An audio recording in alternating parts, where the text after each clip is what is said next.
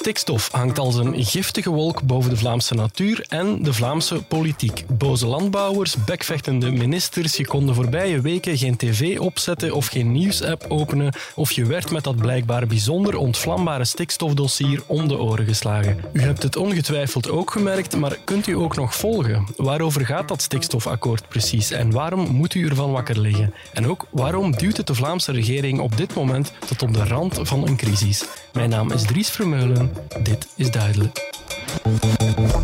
Duidelijk. De morgen. Dieter de Kleine, jij bent wetenschapsjournalist bij De Morgen. Welkom in onze podcast. Hallo. Ehm, ja, we gaan het over stikstof hebben. Ben je het nog niet beu om daarover te praten? Het blijft een uitermate boeiende materie. Ah, toch wel, ja. Want het, het is er al veel over gegaan hè, de laatste tijd. Ja, het is, eh, het is heel actueel. Hè. Eh, het is, stel nu even op pauze, het, eh, het eh, dossier, maar daarmee is het probleem natuurlijk eh, niet weg. Hè. Nee, inderdaad. Ja, het is een weekje krokusvakantie en daarom is de politiek even op adem aan het komen. Daar gaan we het straks nog over hebben. Maar misschien eerst even heel basic. De kern van het probleem is stikstof. Wat is dat eigenlijk, stikstof? Ehm, stikstof is ehm, eigenlijk een, een kleur- en geurloos gas. Op zich niet eh, bijzonder. hè. 78% van de lucht die wij inademen eh, bestaat uit stikstof. Ehm, maar dat is het probleem niet. Het probleem ontstaat wanneer die stikstof ehm, verbindingen vormt met andere stoffen. En dan kan er bijvoorbeeld eh, ammoniak gevormd worden of stikstofoxiden.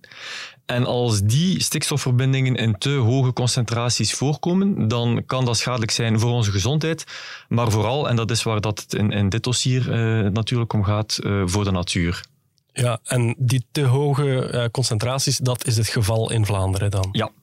Het probleem is dat die stikstofverbindingen in de lucht, dat die vroeg of laat terug eh, neervallen op de bodem. En zo valt er in Vlaanderen eh, gemiddeld per jaar, per hectare, meer dan 20 kilogram stikstof uit de lucht. Oké, en dat is te veel. Ja, dat is slecht voor de natuur en voor de biodiversiteit, omdat die stikstof als een soort eh, meststof werkt. Dus dat zorgt ervoor dat er meer voedingsstoffen in de bodem zitten. En de meeste planten die groeien eigenlijk goed op een bodem die relatief weinig voedingsstoffen bevat, dus op een, een voedselarme bodem. En het probleem is dan dat als die stikstof erbij komt en die bodem rijker wordt aan voedingsstoffen, dat een beperkt aantal plantensoorten die daar wel van profiteren, dat die het gaan, gaan overnemen. Dus het klassieke voorbeeld is dan dat er bijvoorbeeld enkel nog brandnetels en bramen eh, Ja. groeien, omdat die wel van veel stikstof houden.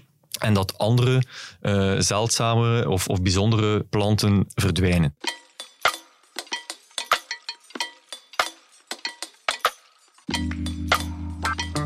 Je merkt eigenlijk wel de stikstofdeposit. Je kan die ruiken in, in Vlaanderen en in Nederland kan je die gemakkelijk ruiken door die typische mestgeur die dat eh, al eh, in, in het voorjaar bijvoorbeeld over Vlaanderen hangt.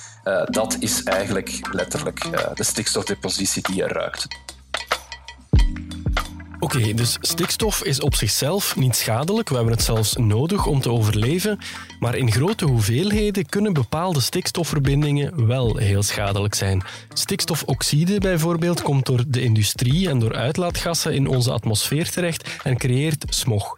Maar het grootste probleem waar het hier eigenlijk over gaat is de landbouw. En dan meer bepaald de grote hoeveelheden mest die worden geproduceerd door de veeteelt. Tobias Keulemans, professor biodiversiteit en milieu aan de Universiteit Antwerpen, legt uit waarom.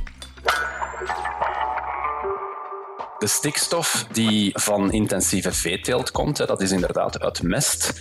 Dat gaat dan over grote ordes meer eh, ammonium dat in onze ecosystemen komt dan dat er natuurlijkerwijs zit. En als dat ammonium in onze eh, van nature ammoniumarme ecosystemen terechtkomt, dan gebeuren er twee dingen. Eén, er is meer stikstof in omloop. Dat betekent dat eh, bepaalde plantensoorten die de capaciteit hebben om snel te groeien, die gaan heel erg snel beginnen groeien. En die concurreren eigenlijk planten, eh, de meeste andere plantensoorten, de kleinere plantensoorten, de, vaak gaat dat over kleine bloemen, uh, bloemplanten, dergelijke meer, die worden gewoon weggeconcureerd. Die worden verstikt omdat de andere gewoon veel sneller kunnen groeien. Veel bloemen en planten die in Vlaanderen voorkomen, gedijen het best in een stikstofarme omgeving en dreigen dus te worden weggeconcureerd door een kleine hoeveelheid planten die net heel blij zijn met die hoge stikstofconcentratie. En dan is er ook nog de verzuring ammonium, wanneer dat in de bodem terechtkomt, dan gaat dat een verzurende reactie te, teweeg brengen. Dat is een chemische reactie. En die verzuring die zorgt ervoor dat eigenlijk mineralen die in de bodem zitten, dat die gaan uitspoelen, dat die verdwijnen. Minder mineralen in de bodem betekent minder mineralen in de planten. Uh, dat zorgt uh, voor giftige respons bij planten die dat dan rechtstreeks afsterven. Maar dat kan ook gewoon zorgen voor slechtere groei bij veel plantensoorten. Maar minder mineralen in planten betekent ook minder mineralen voor insecten om van te eten. Betekent dus ook dat vogels die die insecten eten minder mineralen binnenkrijgen. En dan krijg je bijvoorbeeld zulke effecten als heel zwakke eieren, waardoor dat ook uh, dat eigenlijk een hele cascade aan milieuproblemen die verzuring veroorzaakt. Hoge concentraties van die schadelijke stikstofverbindingen zijn dus desastreus voor allerlei planten en dieren, kortom voor onze hele biodiversiteit. En dat is geen doemscenario, die gevolgen zijn nu al heel erg zichtbaar in Vlaanderen, zegt professor Keulemans. In uh, bepaalde heidegebieden bijvoorbeeld uh, zien we enorme uh, vergrassing in stikstofrijke heides. Dat is dan met het graspijpenstrootje. En dat is dan ook weer een gevolg dat gevolgen kan hebben voor, voor, voor ons als mens dat gras dat groeit heel snel, maar dat verdroogt dan, dat blijft daar dan aanwezig op die heide en dat is extreem brandbaar. De brand op het Groot Schietveld bijvoorbeeld uh, enkele jaren terug zou zeker niet zo ernstig zijn geweest als dat ze nu was, als de, de daar niet zo massaal aanwezig was geweest. Een ander voorbeeld, dat misschien voor, voor de, de oudere bevolking nog wel iets is wat dat we weten, is uh, kantarellen bijvoorbeeld. We gebruiken het in de keuken. Dat zijn lekkere paddenstoelen. Die kon je vroeger in onze eikenbossen gaan plukken. Um, dat zijn eigenlijk uh, paddenstoelen die samen met bomen werken om bomen beter te doen groeien. Die soorten zijn quasi overal in Vlaanderen nu verdwenen, omwille van hun stikstofgevoeligheid. Met als gevolg weer dat die bomen iets minder goed gaan groeien. Die hebben ook minder mineralen dat ze krijgen van die paddenstoelen, omdat die paddenstoelen zijn weg. En dat betekent dus ook dat de koolstofopslag in onze bossen, maar eigenlijk ook in onze graslanden, in onze heides, veel minder uh, gaat efficiënt gaan werken, wat dan weer een probleem is voor onze strijd tegen de klimaatopwarming.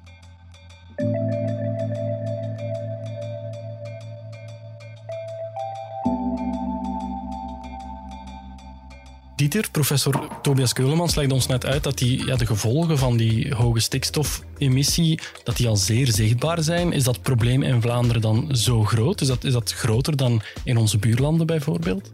Um, het, het, het probleem is dat in veel kwetsbare natuurgebieden de, de zogenoemde kritische last wordt overschreden. En wat is dat? Dat is de hoeveelheid stikstof die op uh, een, een bepaald type natuur mag neerslaan zonder dat je nadelige effecten op de biodiversiteit uh, verwacht. Dat is, dat is voor verschillende ecosystemen is, is dat anders. Het ene ecosysteem is gevoeliger voor stikstof dan het, dan het andere. Um, dus zo is voor, elk, voor elke soort natuur, bijvoorbeeld voor heide, voor bepaalde types graslanden, is er een hoeveelheid stikstof bepaald uh, die zo'n ecosysteem aan kan. En dat is die, dat is die kritische last. En nu moeten wij van, van Europa een aantal beschermde natuurtypes in een zogenoemde goede staat van instandhouding houden, heet dat dan. Dat gaat dan om die bepaalde, bepaalde bostypes of heide bijvoorbeeld. En zo komen er bij ons 46 types natuur voor die wij onder de Europese habitatrichtlijn moeten uh, beschermen en in goede staat houden. En van die 46 zijn er maar drie in gunstige staat en 38 in ongunstige staat. Um, nu, dat heeft verschillende verklaringen. Heeft er onder andere ook mee te maken dat onze natuur uh, heel versnipperd is. Dat natuurgebieden vaak klein zijn en daardoor uh, nogal gevoelig voor allerlei nadelige invloeden. Maar veel van die natuur is ook uh, gevoelig voor, voor stikstofneerslag. en dat is dus een deel van de verklaring waarom zoveel van die natuur die wij Europees moeten beschermen eigenlijk in, in, in slechte staat is. -hmm. Ja, en in heel dat stikstofdossier wordt dan voornamelijk naar de landbouw gekeken als de grote boosdoener, zeg maar. Daar moeten dan ook de oplossingen worden gezocht, terwijl de industrie bijvoorbeeld toch ook stikstof uitstoot. Is dat terecht? Ligt het grootste probleem inderdaad in die landbouwsector? Um, als je het, het, globale plaatje bekijkt um, van de stikstof die in, in, in, Vlaanderen neerslaat, komt ongeveer de helft uh, aangewaaid vanuit uh, het buitenland. Ongeveer 40% is uh, afkomstig van de landbouw. En 10% uh, komt van industrie en verkeer. Okay. Dat, is, dat is het globale beeld.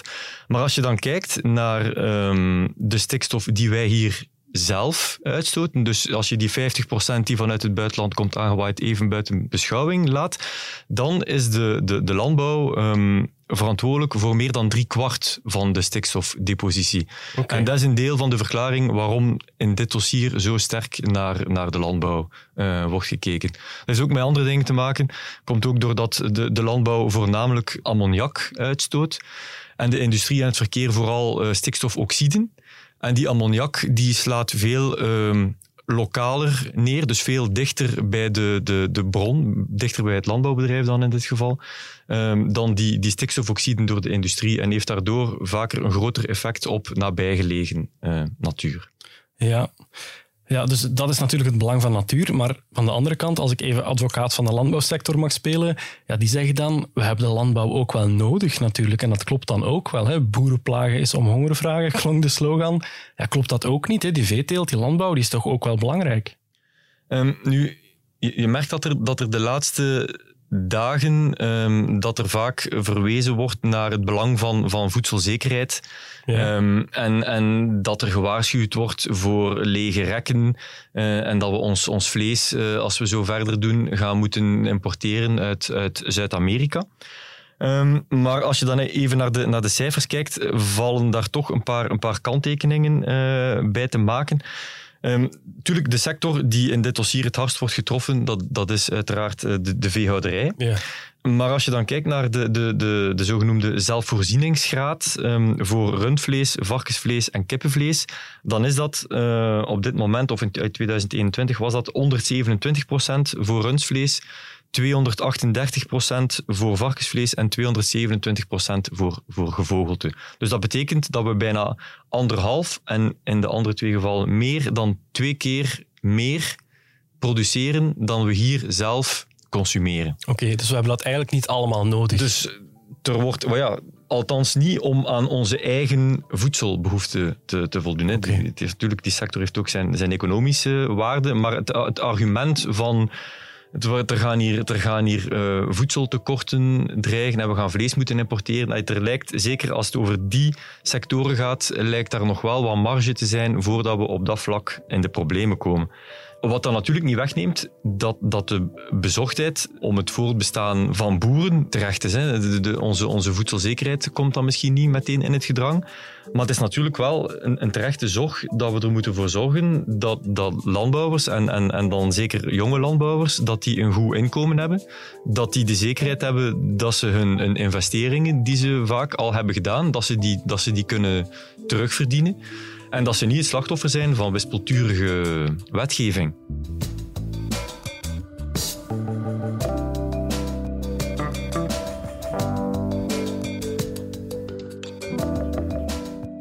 Die ministers in die regeringspartijen zich louter en alleen ja, terugplooien op het eigen gelijk raak je natuurlijk niet. Hè. Dat is in een, in, een, in een huwelijk zo, dat is in een, in een werkomgeving. Vandaag in de regering ook. En dat is vandaag in de regering ook. Dus iedereen moet, wat, moet meezoeken naar oplossingen. Ik denk dat dat heel belangrijk is, proberen te kunnen landen. Mensen hebben ons verkozen, mensen verwachten van ons dat we knopen doorhakken. Het dossier uh, is een tikkende bom, al 15 jaar. Het is van minister tot minister overgedragen. En we hebben geen tijd meer. Ik denk aan onze eigen Vlaamse voedselvoorziening in de toekomst. Vandaag liggen die winkelrekken nog vol. Maar ik wil niet op mijn geweten hebben dat we binnen 10, 20 jaar terugkijken naar vandaag en welke beslissingen hebben ze toen genomen. Hè? Dat brengt ons bij het politieke luik van de stikstofcrisis. Hoe pak je dit probleem nu aan? Na decennia van gepalaver in opeenvolgende Vlaamse regeringen kwamen de huidige meerderheidspartijen N-VA, CD&V en Open VLD in februari vorig jaar tot een akkoord. De boeren moesten hun uitstoot van stikstof verminderen. Er werd een lijst aangelegd van de 41 grootste vervuilers die de deuren moesten sluiten en nog eens 120 andere bedrijven zouden een financieel aanbod krijgen om er vrijwillig mee te stoppen. In kannen en kruiken zou je denken, maar na een openbaar onderzoek werden er maar liefst 20.000 bezwaren ingediend tegen dit akkoord. De Christen-Democraten en de Liberalen wilden het dossier opnieuw op tafel leggen. Daar ligt het nu nog steeds en de voorbije weken werd er heel hard gewerkt om tot een nieuw akkoord te komen, maar dat gaat niet zo heel erg goed. Sterker nog, de Vlaamse regering komt steeds dieper in een crisis terecht. Op onze politieke redactie kunnen ze erover meepraten. Aan de boek. Het gaat niet zo heel erg goed, dat mag je wel zeggen, denk ik. Uh, eigenlijk uh, had uh, minister-president Jan Bon op dit moment in Spanje moeten zitten, maar hij heeft vorige week zijn vakantieplannen op het allerlaatste nippertje moeten afblazen. Dat is vervelend, ook voor een minister-president. Dat is vervelend, ja. Hij moet dat thuis natuurlijk gaan uitleggen, maar het, is ook gewoon, het betekent ook alweer gezichtsverlies, omdat het de zoveelste deadline is die hij niet heeft gehaald. Uh, we proberen nu al herhaaldelijke keren om uh, daar een akkoord over te vinden over die stikstof, uh, maar het lukt maar niet. Nee, en we hoorden zoal Demir ook zeggen, dit is een tikkende tijdbom die al 15 jaar meegaat. Hoe komt het eigenlijk dat heel die stikstofproblematiek dat het al zo lang aansleept? Wel ja, het is ook gewoon echt een heel complex probleem. Vlaanderen wordt echt al wel het is ondertussen al bijna twintig jaar, denk ik, op de vingers getikt voor, een, uh, voor dat teveel aan stikstof. Maar regering na regering heeft dit probleem voor zich uitgeschoven, omdat er nu eenmaal geen pijnloze oplossing bestaat. Het is pijnlijk voor de boeren natuurlijk, want zij zijn verantwoordelijk voor ongeveer de helft van de stikstofuitstoot in Vlaanderen. Maar het is ook pijnlijk voor de industrie, die wil kunnen investeren, wil kunnen groeien, voor de transportsector. Dus er zal altijd een pijnlijk compromis gevonden moeten worden. Um, dus tot nu toe hebben we dat eigenlijk netjes voor ons uitgeschoven tot een rechter uh, in 21 beslist heeft van ja, zo kan het niet verder. We moeten hier echt een, zeg maar een, uh, een sluitende oplossing voor vinden. Er moet een, een bindend kader komen van wie mag nog hoeveel stikstof uitstoten en hoe kunnen we die natuur hier nu echt gaan beschermen. Ja, en dan in februari vorig jaar was er een akkoord, ging er iets gebeuren, maar de inkt van dat akkoord was nog niet droog of er ontstond al heel wat commotie over een aantal dingen die daarin stonden, met name dat een aantal bedrijven er volledig mee moesten stoppen. Ja, ja die fameuze rode lijst met 41 bedrijven die dus uh, tegen 25 de deuren zouden moeten sluiten. En eentje daarvan was de abdij van Averbode. Ja. Herinner u dat? Er is ja. heel veel om te doen geweest. En dan hebben eigenlijk CD&V en ook wel VLD uh, toch wel hun staart weer ingetrokken en uh, is heel die situatie gekanteld ook. Want sindsdien is er ook een hele verschuiving geweest in de wedstrijd, waarbij onder andere CD&V-voorzitter Joachim Koens plaats heeft gemaakt voor nieuwe voorzitter, Sami Medi. Ja. En die maakte natuurlijk echt wel een punt van om die pil voor die boeren te verzachten. Dus CD&V is eigenlijk een activistischere houding gaan aannemen mm-hmm. binnen die regering. Dat is ook ingegeven voor uh, electorale redenen natuurlijk, want ze zitten op, uh, op de 10% ongeveer in de peilingen. Dus dat is echt wel een existentiële strijd voor hen geworden. Medi heeft sindsdien ook een nieuwe landbouwminister in het veld gestuurd, Jo Broens. Ja. Die heeft echt één, eigenlijk één grote taak en dat is weerwerk bieden tegen, tegen zo de meer. Zorgen dat CD&V hier toch niet al te veel gezichtsverlies leidt. Dus um, sindsdien is eigenlijk de marge om een akkoord te maken alleen maar kleiner geworden, helaas. Ja, wat ligt er nu eigenlijk nog op tafel? We zijn intussen een jaar verder. Wat schiet er nog over van dat originele akkoord? Wel ja, um, die rode lijst was destijds gebaseerd op um, gegevens uit 2015, laat ons zeggen. Um, men is nu achter de schermen aan allerlei knopjes aan het draaien om die rode lijst toch wat kleiner te maken. Okay, ja. Om die toch wat eh, minder hard te maken. Ook dat je eigenlijk meer naar oranje bedrijven gaat. dus die eigenlijk zichzelf nog wel kunnen redden als ze de nodige investeringen in stikstofreductie maken. De punten waar het nu nog op vastloopt, onder andere, is uh, welke, welke uitkoopregelingen we bijvoorbeeld op tafel leggen voor boeren die dan vrijwillig ophouden. Maar ook wat we doen met, met boeren die op een aantal jaren voor hun pensioen staan, bijvoorbeeld, en geen overnemer hebben. Zo zijn er ook heel veel. Uh, in de laatste tien jaar uh, is het eigenlijk onmogelijk om nog grote investeringen in stikstofreductie terug te verdienen. Dus ja, wat, wat zetten we daar voor hen tegenover? Mm dan is er ook nog een heel grote discussie over uh, de verdeling van de lasten, zeg maar. Welke inspanningen vraag je van de boeren? Welke vraag je van de industrie? Als het van Zohalde meer afhangt, vragen we of zijn we strenger voor de boeren, omdat zij in het verleden minder inspanningen hebben gedaan dan de industrie. Mm -hmm. Bij CD&V zeggen we nu van, mm -mm, kan niet. Uh, we willen dat eigenlijk gelijk trekken. Dus er zijn een aantal cruciale discussies die op dit moment nog op tafel liggen. -hmm. Maar de realiteit is wel dat voor heel wat van die veehouderijbedrijven het eigenlijk niet zo haalbaar zou zijn om die stikstofuitstoot te reduceren en die dus gewoon zullen moeten stoppen stoppen of heel, heel grote, of, of heel grote investeringen maken in de omslag naar een meer duurzame landbouw of naar een landbouw die een kleiner impact heeft op de, op de natuur die er rond ligt. dat is allerminst evident en dat, dat, dat voelt men nu vooral ook bij CD&V natuurlijk, die, die van oudsher de belangen van de boeren verdedigt in ons land. um, dat daar heel schrijnende persoonlijke verhalen achter zitten. En uh, ja, dat men er alles aan moet doen om die pil toch een beetje te verzachten. Mm We hebben in het eerste deel van deze podcast voornamelijk gefocust op hoe schadelijk de uitstoot van al die stikstof is en waarom we daar toch wel echt vanaf moeten. Maar het is ook ergens wel begrijpelijk dat die landbouwsector daar niet meteen voor staat te springen. Hè? Natuurlijk. Ja, ja, ja.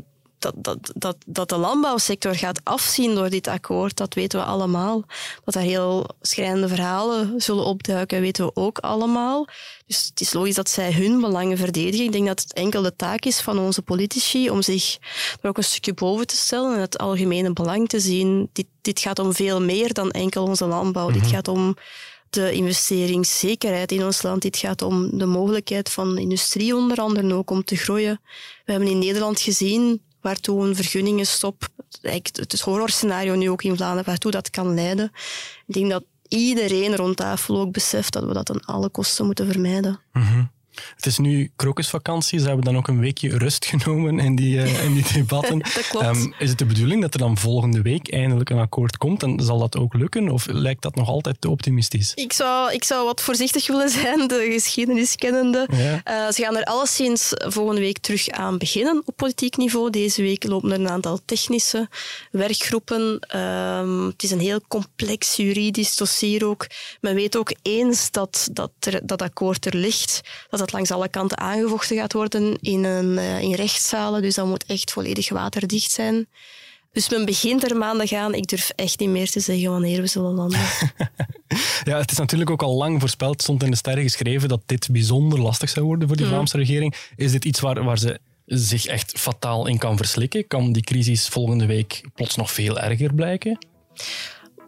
Wel, wel ja, Jan Bon heeft vorige week um, de partijvoorzitters van al zijn coalitiepartijen bij zich geroepen. Ja. Dat is zeg maar het Vlaamse equivalent uh, van wat je eigenlijk op federaal niveau zou doen. Op federaal niveau zou je naar de koning trekken en zou je zeggen van ik zit er met een grote crisis in mijn regering. Zou de regering ook echt kunnen vallen. In Vlaanderen is de situatie een tikkeltje anders. Kan de regering niet zomaar vallen. Maar het is wel tekenend voor de diepe crisis die nu in die regering zit. En als ze nog iets gedaan wil krijgen, dan zal ze toch eerst dit uit de weg moeten ruimen. Dit is echt zo'n struikelblok uh, dat ze anders met zich zal blijven meeslepen. Mm Oké, okay, uh, eh, in elk geval volgen we het volgende week sowieso verder op, mede dankzij jou in onze krant en op onze website. Anne de Boek, heel veel dank voor dit gesprek. Was graag gedaan.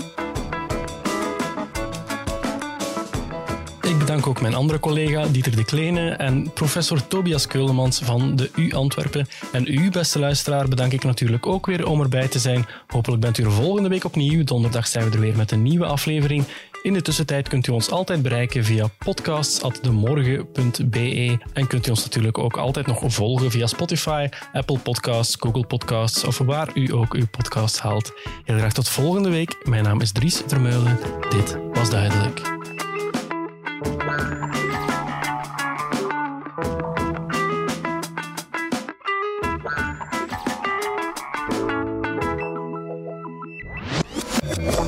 Duidelijk, de morgen.